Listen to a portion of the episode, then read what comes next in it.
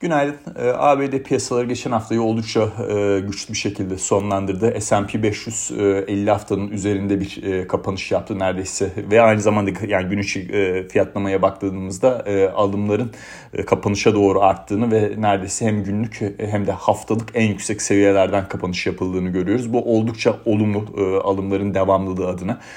İkinci bir nokta VIX endeksi. VIX endeksi savaş başladığından beri ilk defa 25 seviyesinin altında bir kapanış yaptı. Bu oldukça olumlu.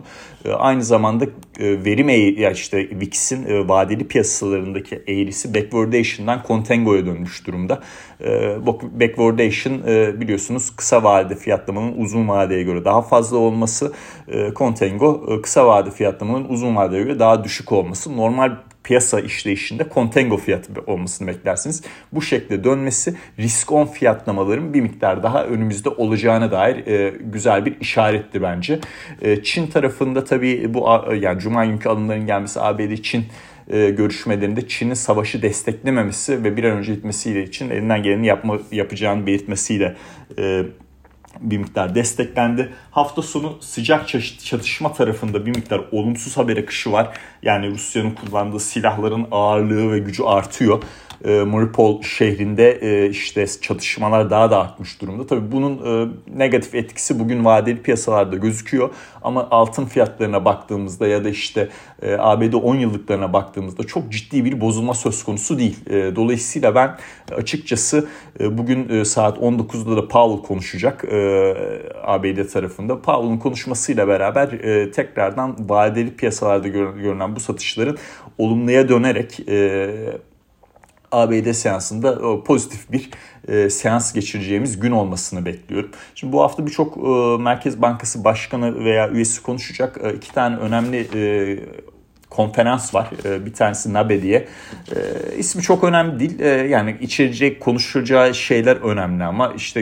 E, sustainable e, ve inclusive growth konuşulacak. Yani bu ne demek oluyor? E, devamlılık, devamlı e, ve herkesi içine alacak bir büyüme nasıl yaratılır? Onunla ilgili konuşmalar olacak. İkinci tarafta da BIS'in işte Merkez Bankalarının Merkez Bankası öyle diyeyim inovasyon zirvesi var.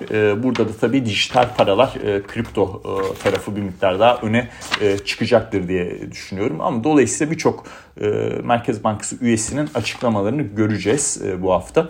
E, bugün özelinde dediğim gibi e, Powell'ın konuşması daha çok takip edilecek ama veri setlerinde bu hafta daha çok e, Avrupa ve Asya tarafı öne çıkacaktır.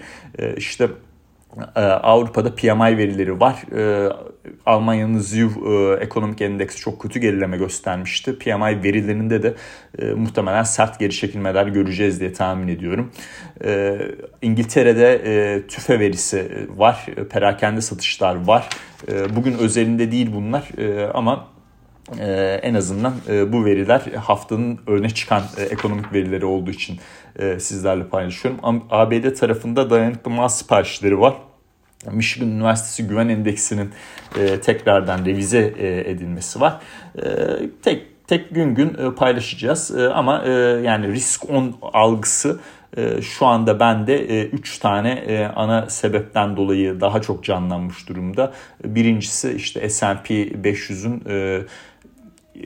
market breadth tarafına baktığımızda en iyi 3 sektörün e, en kötü 3 e, sektör olması sene başından beri ve bunun defalardır e, devam ediyor olması geçen hafta birkaç gün üst bu, durum yaşandı. Haftanın en üst seviyesinde bir kapanış yaptık neredeyse. İki VIX endeksindeki hem mevcut kapanış seviyesi hem de vadelilerin vadelilerin yapısı o işte eğrinin yapısı, contango yapıya geçmiş olması. E, üçüncü tarafta da bu Çin tarafında e, biliyorsunuz e, yani nasıl Fed'in putu var. Çin'in de aslında bir putu var. O da kredi büyümesiyle olan bir put. O tarafta da artık anladığım kadarıyla bu yeni kredilerde çok uzun zamandır daralma yaşıyor. E, Çin tarafı. Burada da bir miktar e, rahatlama e, önümüzdeki günlerde gelecek gibi gözüküyor. Bu da endekslere pozitif yarayacaktır muhtemelen. Bu hafta NATO toplanıyor. ABD Başkanı da gelecek. Dolayısıyla bu Rusya-Ukrayna tarafının çözümü adına daha önemli adımlar atılabilir diye düşünüyorum. Gün içinde daha olumluyum. E, Powell eğer bozmazsa ABD tarafında iyi bir kapanış bekliyorum. E, artı kapanış bekliyorum en azından. E, şöyle diğer hemen e, fiyatlamaları da bakalım. Yani altın işte 1923 e, seviyesinde 1924'ün altında burada 1878-1890 seviyesine kadar bir geri çekilme görülebilir. Euro dolarda 1.10.30'lik 1.10.40 seviyelerindeyiz. Burada açıkçası yukarı hareketliliğin devamını bekliyorum. Ee, işte 1.12-1.12.50 e, kısa orta vadeli hedefim. E, petrol tarafı bugün biraz yükseldi. E, normal olarak bu Mariupol kentindeki sıcak tır çatışmanın artmasıyla.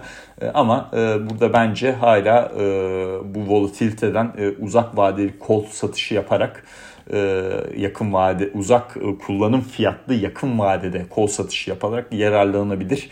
E, çünkü bu olay çözülürse hızlı bir şekilde geri çekilme olacak bu petrol tarafında unutulmaması lazım bunun. ABD 10 yılları 2.14-2.13 seviyelerinde devam ediyor. Oradaki desteğinde devam ediyor. Kademeli bir şekilde yukarı hareketlilik devam edecektir diye söyleyeyim. Son olarak bir Bitcoin fiyatından bahsedeyim.